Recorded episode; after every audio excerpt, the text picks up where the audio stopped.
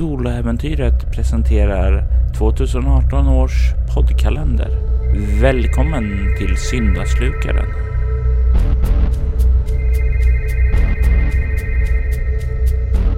Jag är Mattias Fredriksson från Red Moon Roleplaying och i detta avsnitt spelar vi rollspelet Bortom.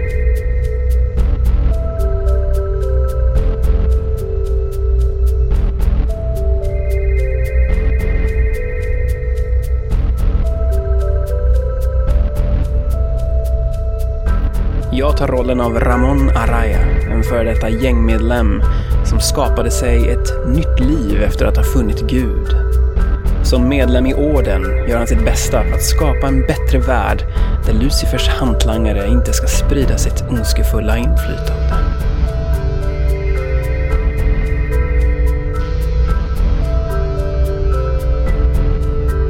Välkommen till Fången.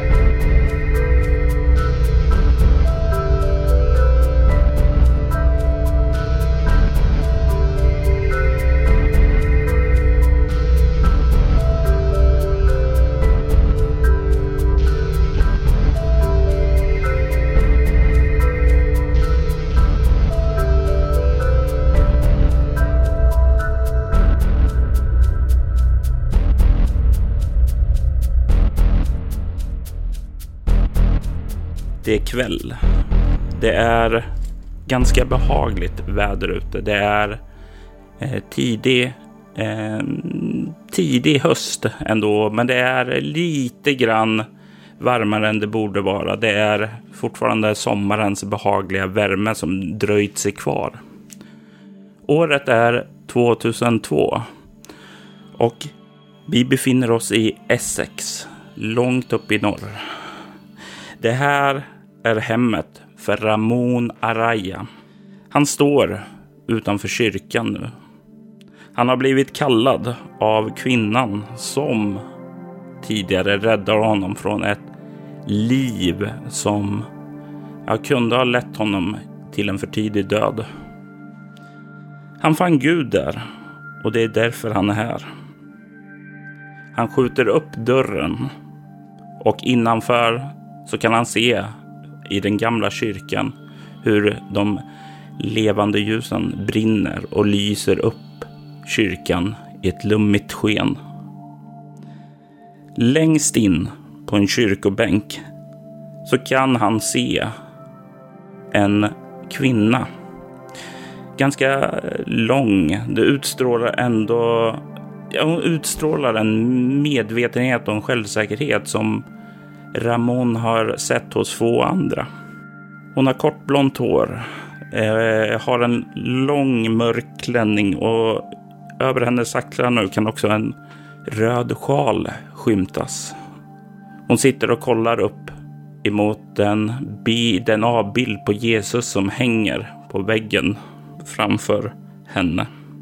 Hon vad heter det, verkar eh, inte ha något problem att höra dig Ramon när du öppnar dörren och kliver in. Och hon gör en gest åt dig att komma framåt. Jag... Eh, jag går framåt mot henne genom kyrkan. Jag eh, stannar upp när jag kommit in och jag gör korstecknet för att visa vördnaden och respekten som, ja, som man bör när man går in i, i detta Guds hus. Och eh, jag närmar mig Miss Carpenter. Mm, spänd förväntan. Jag undrar vad som kommer att ske nu. Ramon, trevligt att se dig. Jag hoppas att allt är väl med dig. Tack vare dig, Miss Carpenter. Tack vare dig så, så är allt som sig bör. Jag har hört att du har inte haft några problem att anpassa dig till ditt nya liv här. Mm, tack vare Gud och tack vare orden så, eh, ja, har jag funnit ett hem här. Jag har funnit en plats där jag känner mig uppskattad. Och eh, där jag har ett... Mm, jag har en mening med mitt liv.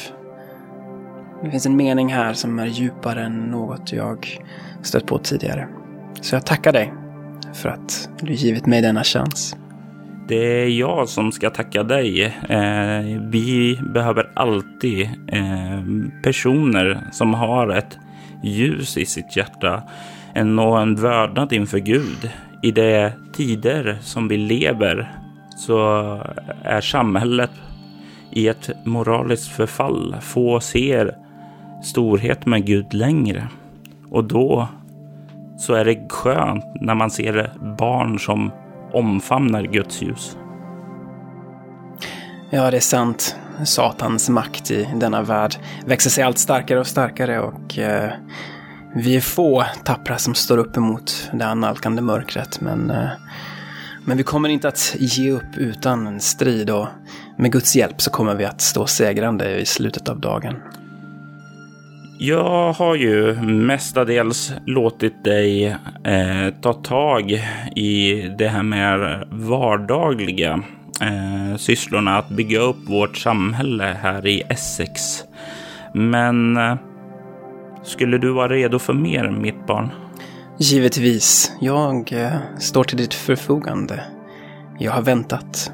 Jag tänker i så fall skicka dig på en prövning. En Eh, en sak som vi behöver eh, är information ifrån en person eh, som har koppling till Lucifers anhang av vad vi misstänker. Eh, han hålls fånge nu och eh, vi har märkt att du har en särskild gåva att prata med andra, att få information ur dem. Och jag tänker att det här kan bli en välförtjänt prövning för dig, mitt barn. Mm, det, låter som en, eh, det låter som en utmaning värdig min, min tid. Förhoppningsvis så kommer mina förmågor eh, att eh, kunna möta det. Ja, utmaningar som vi kommer att möta? Det kommer vara en prövning för dig och en stor utmaning när eh, du får höra var du ska. Fången sitter nämligen på fängelseön utanför San Sebastian.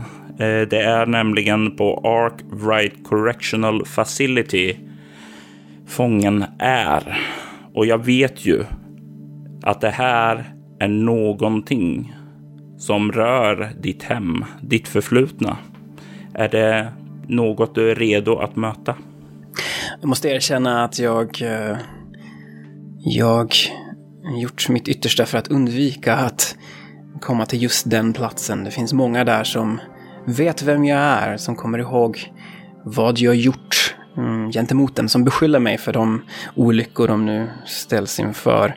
Och eh, ja, de kommer inte att tveka att döda mig om de, om de eh, upptäcker att jag är där och förstår vem jag är. Men vägen eh, är aldrig lätt och ja, det är inte, det är inte den väg med, mm, med de enklaste utmaningarna som är den, den värdigaste. Så att jag kommer givetvis att, att göra allt för, för dig och för, för Gud och för att ja, bringa ljus även till denna plats. Du har en vän på eh, fängelset. Eh, han är inte en i orden, men han är troende och eh, vän med flera av våra medlemmar.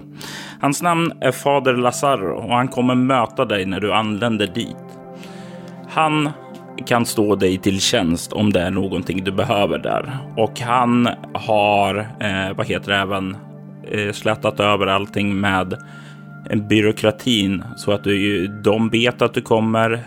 De är eh, välvilligt inställda och kommer att hjälpa dig när du vill förhöra fången. Mm. Utmärkt, utmärkt. Under eh, vilka omständigheter är det som jag besöker det här fängelset? Är det för att träffa någon av de intagna eller eh, har jag helt enkelt, ja, carte blanche och göra vad jag vill här? Du har en fånge du ska möta. Hans namn är Christopher King och han var en taxichaufför. En helt vanlig man.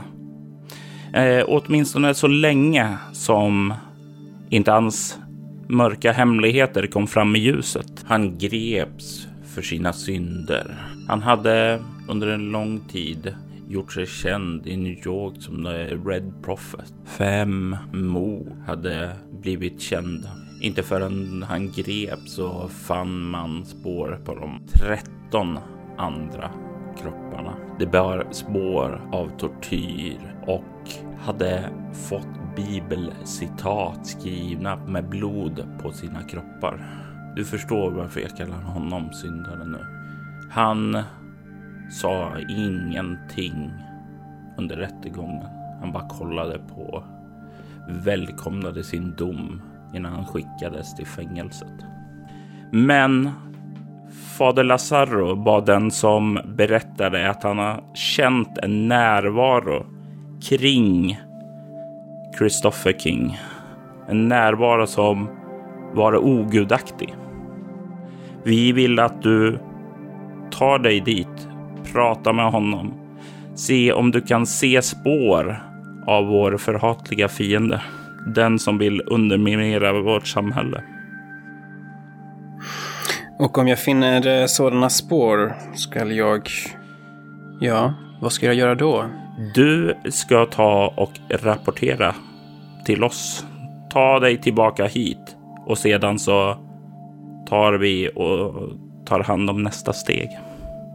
Det här är ett recon-uppdrag, inte ett eh, vedergällningsuppdrag. Jag förstår. Jag förstår. Information. Ja, det ska nog gå bra. Utmärkt.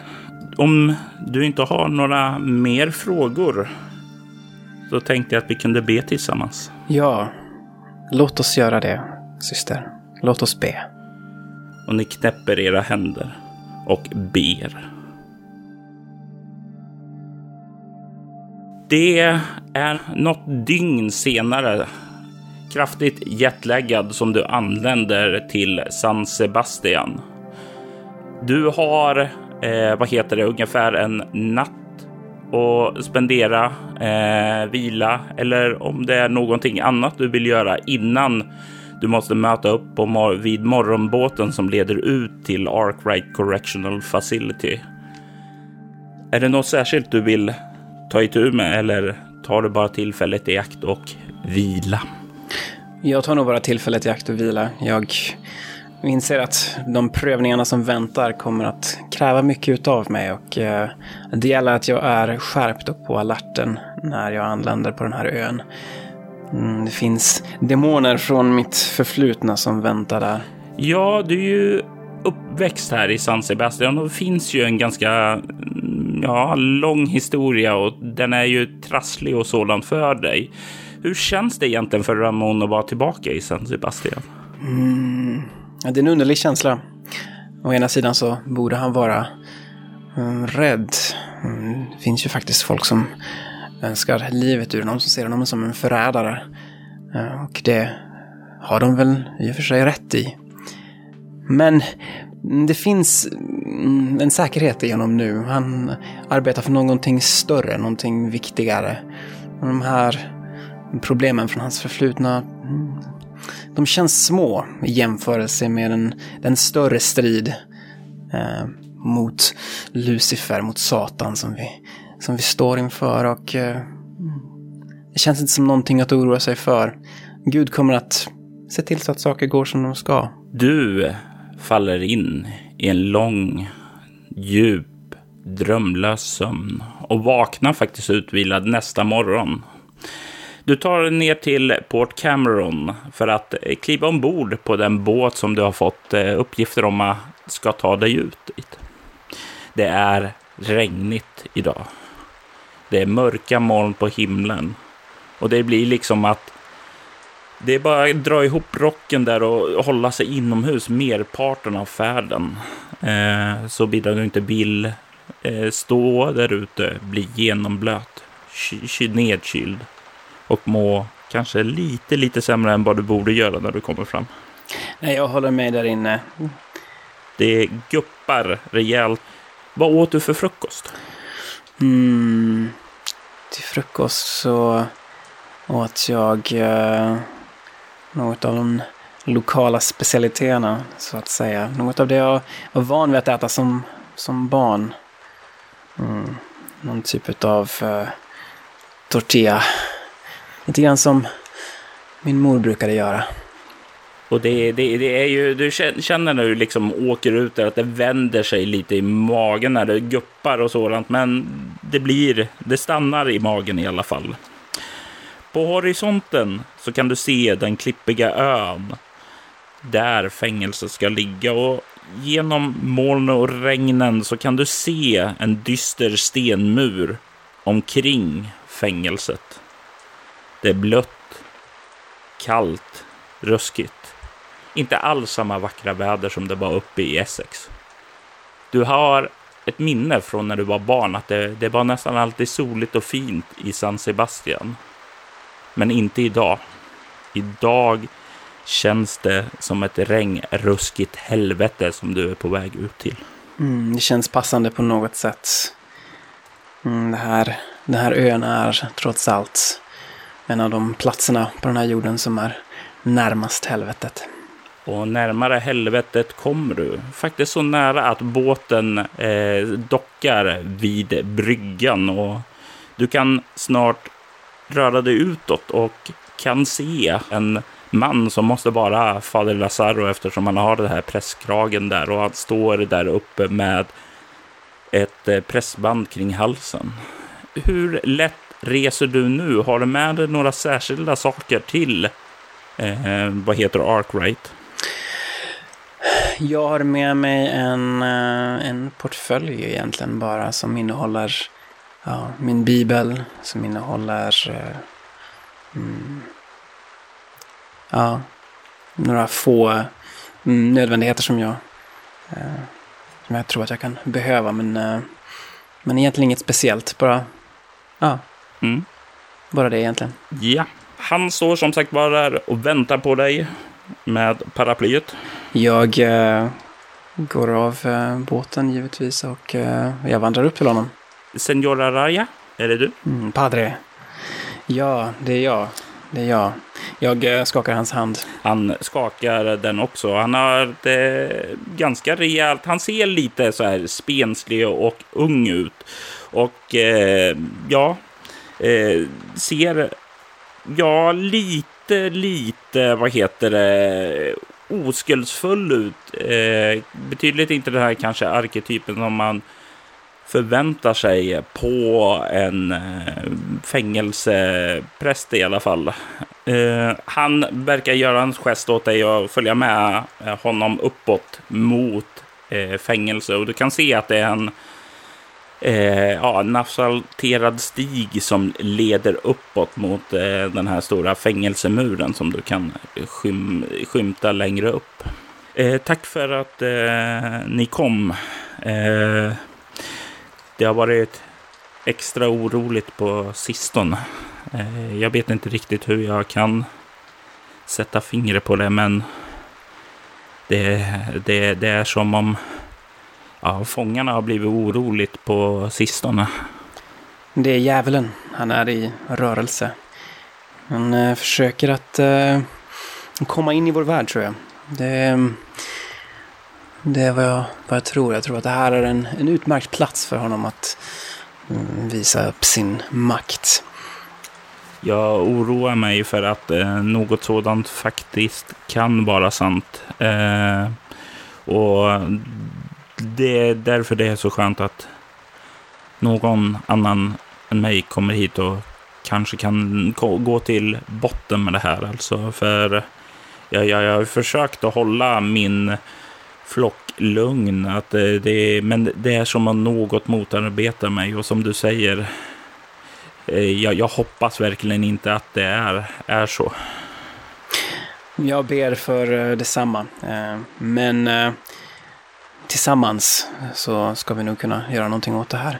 Hur ser maktbalansen ut här? Har ni, har ni kontroll över saker och ting eller är, är det gängen som styr här som det kan vara på vissa andra fängelser? Eh, vi har ett, eh, ja, Mr Arkwright då som äger eh, ja, fängelset. Han, han har ju både samarbete med det lokala Callahan Securities och eh, Davis Technologies för att eh, ha utrustat fängelse med state of the art eh, teknologi. Vi har väldigt hög säkerhet och det är indelat i fyra olika eh, vingar. Eh, vi har ju en livstidsvinge för där de som avtjänar sitt straff ända till döden hålls. Och sedan har vi ja, mellan låg och hög säkerhet också. Eh, och det, det, det, är ganska lugnt här. Alltså, vi har eh, med hjälp av teknologi kunnat isolera och skapa ordning här. Och jag gör ju även mitt bästa för att försöka vårda deras själsliga hälsa. Mm. Det låter, eh, det låter bra. Sen min fader, eh, det finns ett gäng, jag vet inte om du är bekanta med dem. Eh, många av deras medlemmar har hamnat här. Gardunias. Är det något som du har hört talas om? Eh, jo då, jo då. Jag, jag har hört talas om Gardunias. Och Ehm, vi har ett flertal ur deras led, eh, vad heter det, de befinner sig mestadels på låg och mellansäkerhetssektorerna. Eh, ehm, och eh, om ni är oroliga för att träffa dem så eh, behöver jag, eh, för jag, jag, får faktiskt en känsla av att det här är någonting som ehm, eh, ja, får dig att vara lite försiktig. Men jag, jag, jag, jag kanske har fel. Eh, men vi, vi ska till livstidsvingen. Och där så har vi inga Gardunias. Mm. Det låter bra. Det låter bra. Jag, eh, ja, låt oss eh, ta oss till livstidsvingen mm. och träffa, träffa fången i fråga. Mm. Ni, ni kommer in upp till själva muren där och du ser hur eh, vakterna patrullerar eh, där uppe på krönet, verkar se eh, er, kollar ner, känner igen prästen och liksom öppnar upp dörren och ni får kliva in på en liten entrégård där som är, leder fram till själva fängelsebyggnaden. Och ni kommer in där, får eh, direkt mötas i en liten sån reception där Eh, du får ta och skriva in dig. Har jag eh, fått någon eh, annan identitet jag bör ange via, via orden eller vet jag vad som är brukligt vid något sånt här? Är jag här undercover eller i officiell kapacitet? du har fått ett eh, liten täckmantel ett, eh, som ska liksom fungera här. Eh, och eh, du kan känna dig fri och hitta på ett namn som du skriver ned i boken också då.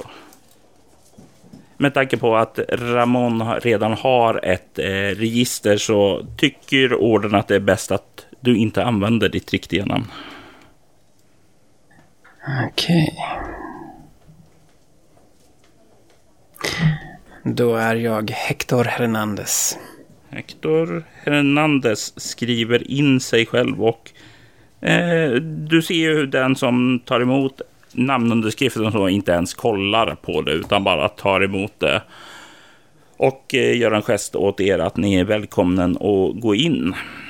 Och du kan ju se att det finns lite dörrar åt både höger och vänster här. Ni kommer ut i en stor sal, men Fader Lazaro verkar leda dig rätt igenom själva byggnaden, eh, rakt fram.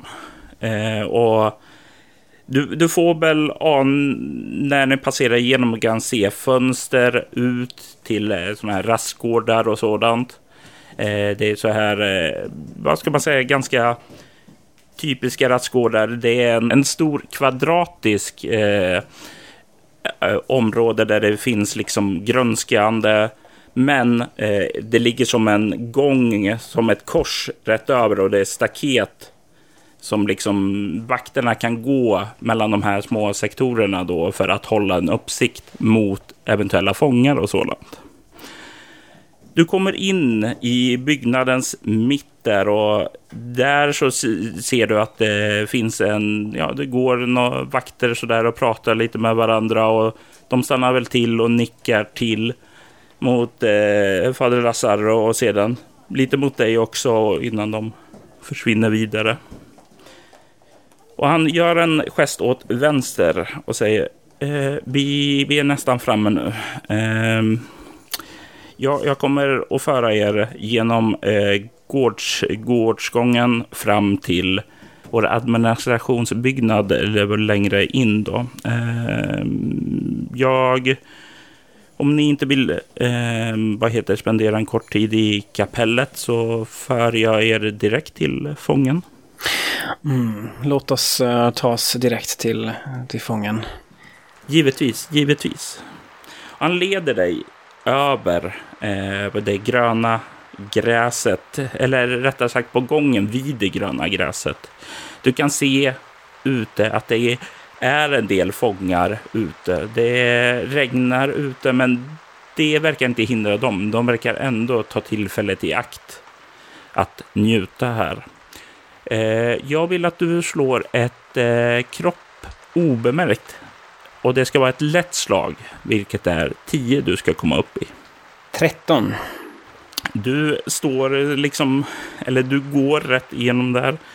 Och eh, du kan ju se att de mesta personerna verkar inte direkt re reagera särskilt mycket på att ni går. Det är bara någon annan vanlig här. Eh, vem det nu är. Det är någon av ja, fångvakternas senaste gäster.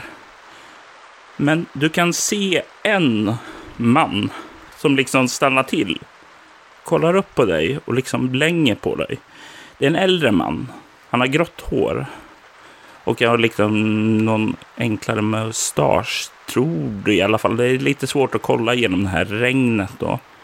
Eh, men han verkar stanna till och plira på dig. Under, ungefär som han ser någonting med dig som han reagerar på. Och du kommer sedan in i, eh, vad heter det, torra byggnaden. Eh, Fader Lazaro skakar av paraplyet och leder dig sedan ja, genom ett enklare eh, korridor bort. Eh, ja, efter lite svängar och sådant in i ett förhörsrum. Eh, han säger, jag ska gå och meddela vakterna att hämta fången. Eh, är det någonting som ni behöver? Mm, jag tror att jag har det jag eh, behöver här. Jag behöver egentligen bara tillgång till fången och eh, ja, få möjlighet att prata med honom. Eh, och eh, höra vad han säger och höra vad han inte säger. Absolut, absolut, säger han och nickar. Eh, och sen så börjar han och kliva ut och du är själv i rummet. Det är inte mycket här. Det finns en kamera uppe i, eh, vad heter det ena hörnet? Vad har du i teknologi? Jag har ingenting i teknologi. Ja, eh, det är en kamera uppe i hörnet. Det är ungefär det du ser utifrån det. I övrigt så är rummet ganska tomt. Det finns eh, en stol på vardera sida av bordet och det finns här möjlighet att fängsla fången vid själva bordet också med handklovar. Det finns ingen sån här stor polisspegel på väggen heller, utan det är man ska säga en ja, ganska grå, ja, en ganska vit eh, ny fräsch vägg, men det känns väldigt kalt och sterilt. Får jag en känsla av att vi kommer att kunna ha vårt samtal ostört här. Eller uh, ja. finns det möjlighet för någon att, att höra vad vi säger? Ja, det, det, det enda vad du kan se här som liksom sticker ut eh, är ju kameran i sånt fall. Mm. Jag eh, lägger märke till det och eh, ja, det är viktigt att veta att vi är sedda. Det gäller att lägga band på sig själv, tänker jag för mig själv. Mm. Hur känns det att vara här på Arkwright Correctional Facility? Det fängelset som du skulle ha skickats till en gång i tiden, men som du lyckades slippa åka till. Ja, det känns som att det är en cirkel som sluts på något sätt. Eh, men eh, den jag är nu gentemot den jag ja, var då. Det är två olika personer och eh, vi har nog inte så mycket gemensamt egentligen. Säger jag åt mig själv, men jag vet inte om det faktiskt är sant. Men jag hoppas det. Jag känner mig dock lite oroad, det gör jag. Att det skulle vara just här av alla ställen. Varför just här? Varför just här? Det är en väldigt bra fråga. Det är någonting som gnager i dig. Du kan förstå ett eh, chockartat, eller nej, omskakande skräckslag med utstrålning. Du ska alltså slå en tärning plus din utstrålning och komma upp i sju. Precis sju. Ja, eh, nerverna lyckas i alla fall hålla känslorna under kontroll till det mesta. Då du hör hur det vrider till i dörrhandtaget och öppnas. In eskorteras en man. Eh, han är, ser ganska alldaglig ut. Han har mörkbrunt hår, ganska vildvuxet eh, ovårdat skägg. Han har glasögon, ganska, ja, lite, lite lätt överviktig kan man också beskriva. Lite plufsig skulle jag nog säga är det bästa sättet att sammanfatta honom på. Mm. Du kan se han leds in. Han har ganska världsfrånvänd blick. Han sätter sig ner och då vakterna liksom låser fast honom i bordet där. Och sedan så kliver eh, de ut och lämnar dig ensam. Vad har du i samhällsvetenskap? Tre. Du kan tycka att det här är lite märkligt, alltså, för det brukar alltid vara en vakt kvar och hålla koll på saker och ting i rummet. Det är i alla fall så som du har vant dig vid. Mm. Men å andra sidan gör ju detta det möjligt för oss att ha en mer privat konversation. Mm. Ja. Det oroar mig på ett sätt, men på ett annat sätt så känns det som en möjlighet. Han är i alla fall eh, säkrad och eh, bunden, så ja, jag känner mig inte överdrivet oroad över eh, mannen som är framför mig. Som sagt han sitter där och stirrar mest ned i bordet. Han verkar vagt medveten om att du är där. Jag eh, ställer mig framför honom och eh, jag stirrar på honom. Jag säger ingenting. Han fortsätter att blicka ned i bänken. Du, jag vill att du slår ett utstrålning kameleont. Lätt slag. 12. Du kan se att han verkar... Han, han ser att du stirrar på honom. Och du ser att han, eh, vad heter det, registrerar det. Men det är som om han är bedövad. Det är som om han är endast till hälften här. Det verkar som nästan han har han har eh, eh, blivit mer inåtvänd än utåtvänd så att säga. Han är definitivt inte den här sociala personen som går igång på åh, jag får besöka uppmärksamhet, utan det här är bara en del av hans eh, fängelseliv som aldrig kommer att ta slut. Var är du någonstans nu, Mr King? Frågar jag honom. När du säger det så ser du ett litet, litet leende eh, spricker upp. Och vad jag är. Jag leker. Jag leker med min dotter. Mm. Minnen, alltså. Vad, eh, vad hände med henne? Det bör jag väl veta. Jag har väl läst hans eh, akt. Du har läst hans akt och eh, du vet att eh, ja, eh, det, det, han skulle ha haft en dotter. Men hon återfanns aldrig. Eh, du har också, vad heter det, drar dig till minne detaljen om att när han greps så syntes en flicka, en rödhårig flicka som stämmer in på vad heter senaste beskrivningen på vad, hur hans dotter såg ut. Eh, vad heter sprang från platsen. Hon verkade uppskakad och livrädd, men eh, varken polis eller FBI lyckades finna henne efteråt. Mm. Tror du att du kommer att träffa henne igen, Mr King? Det tror jag. Jag tror att du kommer att föra henne till mig. Mm. Jag tror det kommer att vara sista gången jag ser henne. Kanske det, kanske. Kanske finns det sätt som jag kan hjälpa dig på. Kanske mm, finns det ett sätt att ge dig det du vill ha. Men... eh, ja. Vet du varför jag är här?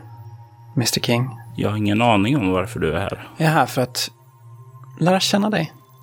säger jag och ler. För att förstå vad som eh, hmm, fått dig att göra det du gjorde, säger jag och ler. Huh. Jag träffade en kvinna en gång i tiden. Det var vad som hände. Berätta mer om den här kvinnan som du träffade. Hon lärde mig att det som fanns inne hos oss, det som fanns djupt där inne, förtjänades att undersökas. Att alla människor har ett mycket intressant inre. Och det är vår plikt att undersöka det. Hade denna kvinna något namn? Han ler lite igen där. Och hon har haft många namn. Många namn. Många namn. Och sen ser du verkar han börja, eh, liksom som han glider in i sitt sinne igen och liksom verkar förnimma minnen från det förflutna. Och du kan se han liksom darra till av lite välbehag. Jag förstår att ni kom varandra nära då. Åh ja, eh, nära, nära, väldigt nära. Hon, hon blev modern till mitt barn. Eh, återigen från eh, hans akt. Vem var hans... Vem var eh, modern till hans barn? Vad hände med henne? Ingen vet vad som hände med henne. Alltså det var en anonym kvinna som mm, vad heter det, på, gav födsel till barnet på sjukhuset. Eh, kom in sent en natt, födde det och eh, vad heter det, när vad heter det, hon hade gjort det och liksom hon skulle vila ut i sängen så var hon bara spårlöst borta där. Och eh, det fanns ett eh, kuvert eh, kvar eh, i hennes säng som stod detta är barnets fader. Eh, och sen efter faderskapstest och så bekräftade det och han tog över vad heter det, ja, vårdnaden vid det tillfället. Men kvinnans identitet fastställdes aldrig. Jag förstår. Jag förstår. Tror du att du kommer att få träffa henne igen då? Jag har redan träffat henne. Är hon möjligtvis här? På ön? Åh nej, inte, inte längre. Hon, Men hon var här. hon var här. Hon besökte mig tidigare. Väldigt omtänksamt utav henne att göra det. Oh ja, Hur kändes det? det kändes glädjande. Som om något slumrande i mig vaknade till. Någonting som jag inte känt på så många år. Eh, första gången som det, den här världen kändes värd att leva igen.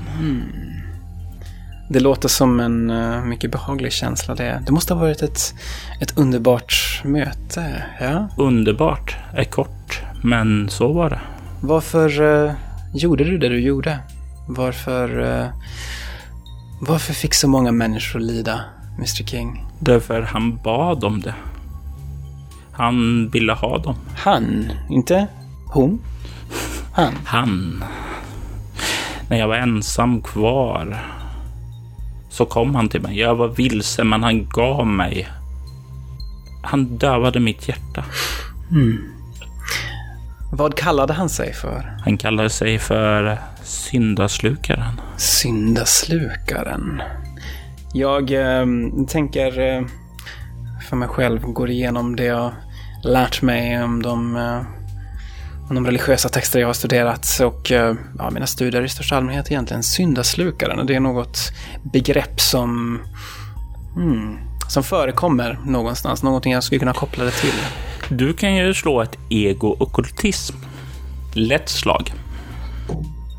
11. Alltså, det finns ett begrepp som eh, kallas för syndaslukare, alltså en sin eater. Och det är liksom någon som absorberar andras synder. Eh, inom kristen tro så sågs ju Jesus till exempel som en eh, syndaslukare. Han absorberade människors synder, men det är inte riktigt. Du får inga Jesus-vibbar ifrån honom, utan det verkar som om det skulle vara någonting annat som han syftar på. Men du, det är inget som du drar dig till minnes.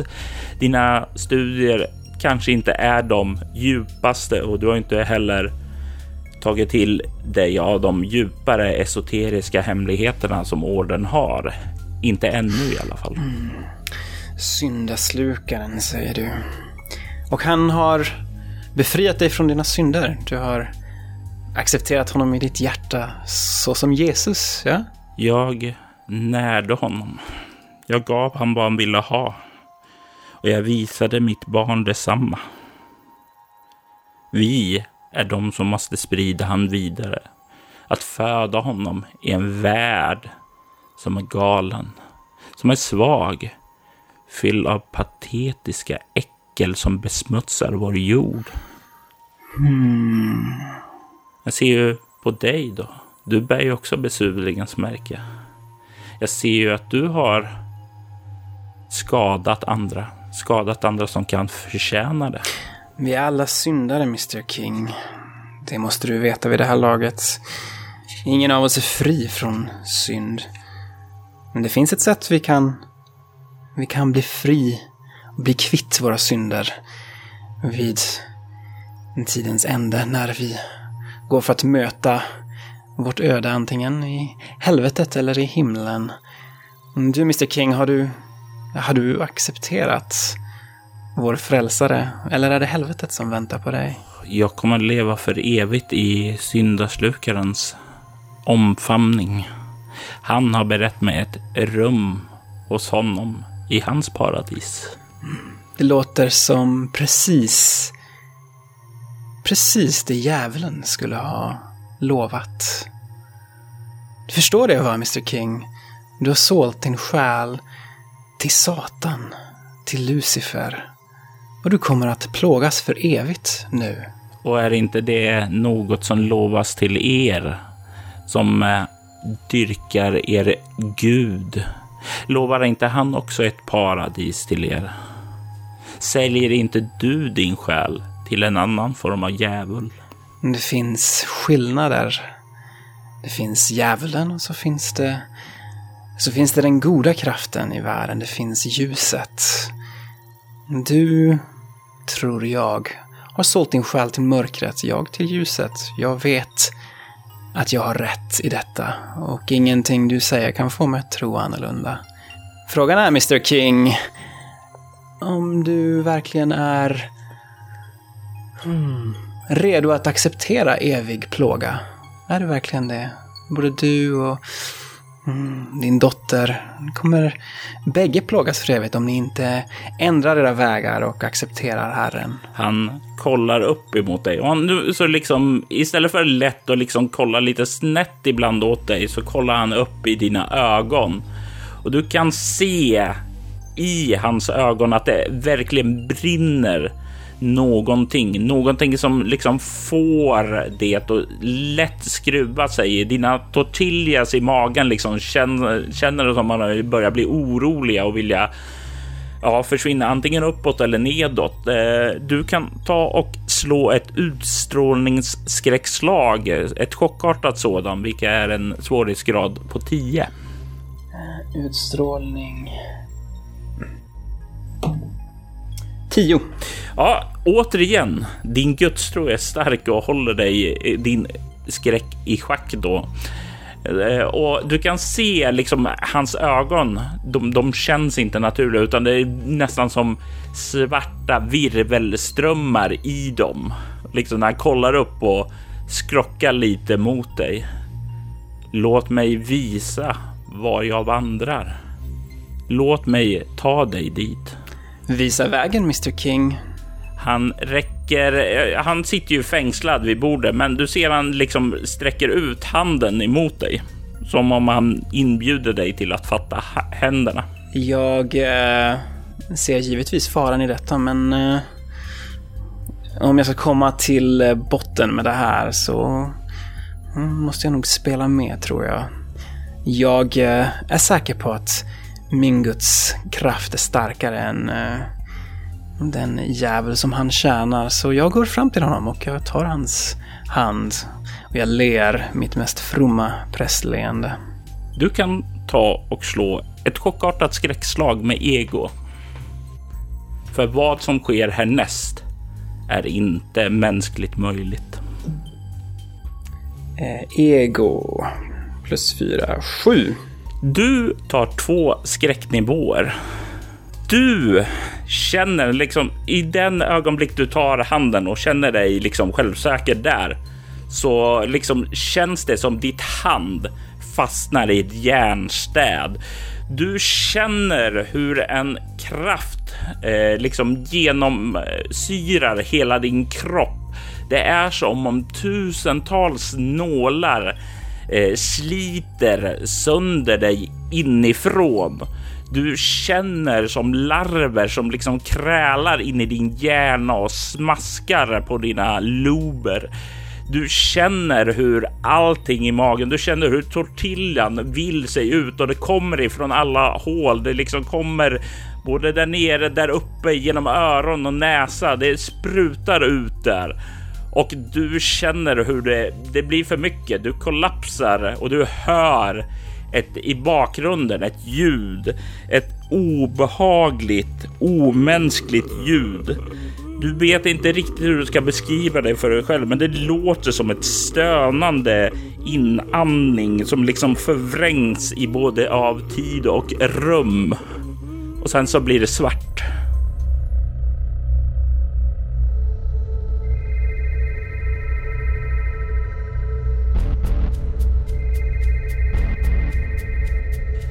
Ramon Araya spelades av Mattias Fredriksson och spelledaren var Robert Jonsson.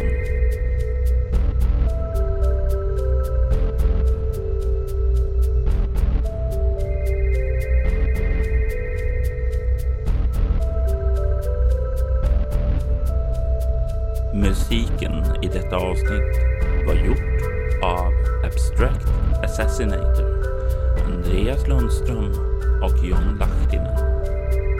Vinjetten var gjord av Andreas Lundström.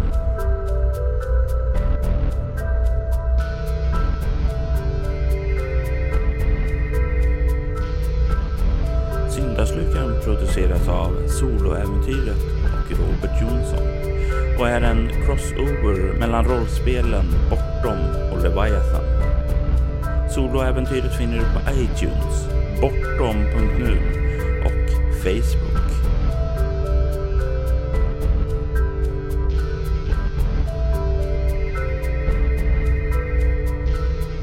Om du har lust, lämna gärna ett omdöme, betyg eller en recension om oss på antingen Facebook eller iTunes. Det uppskattas djupt. Tack för att du har lyssnat.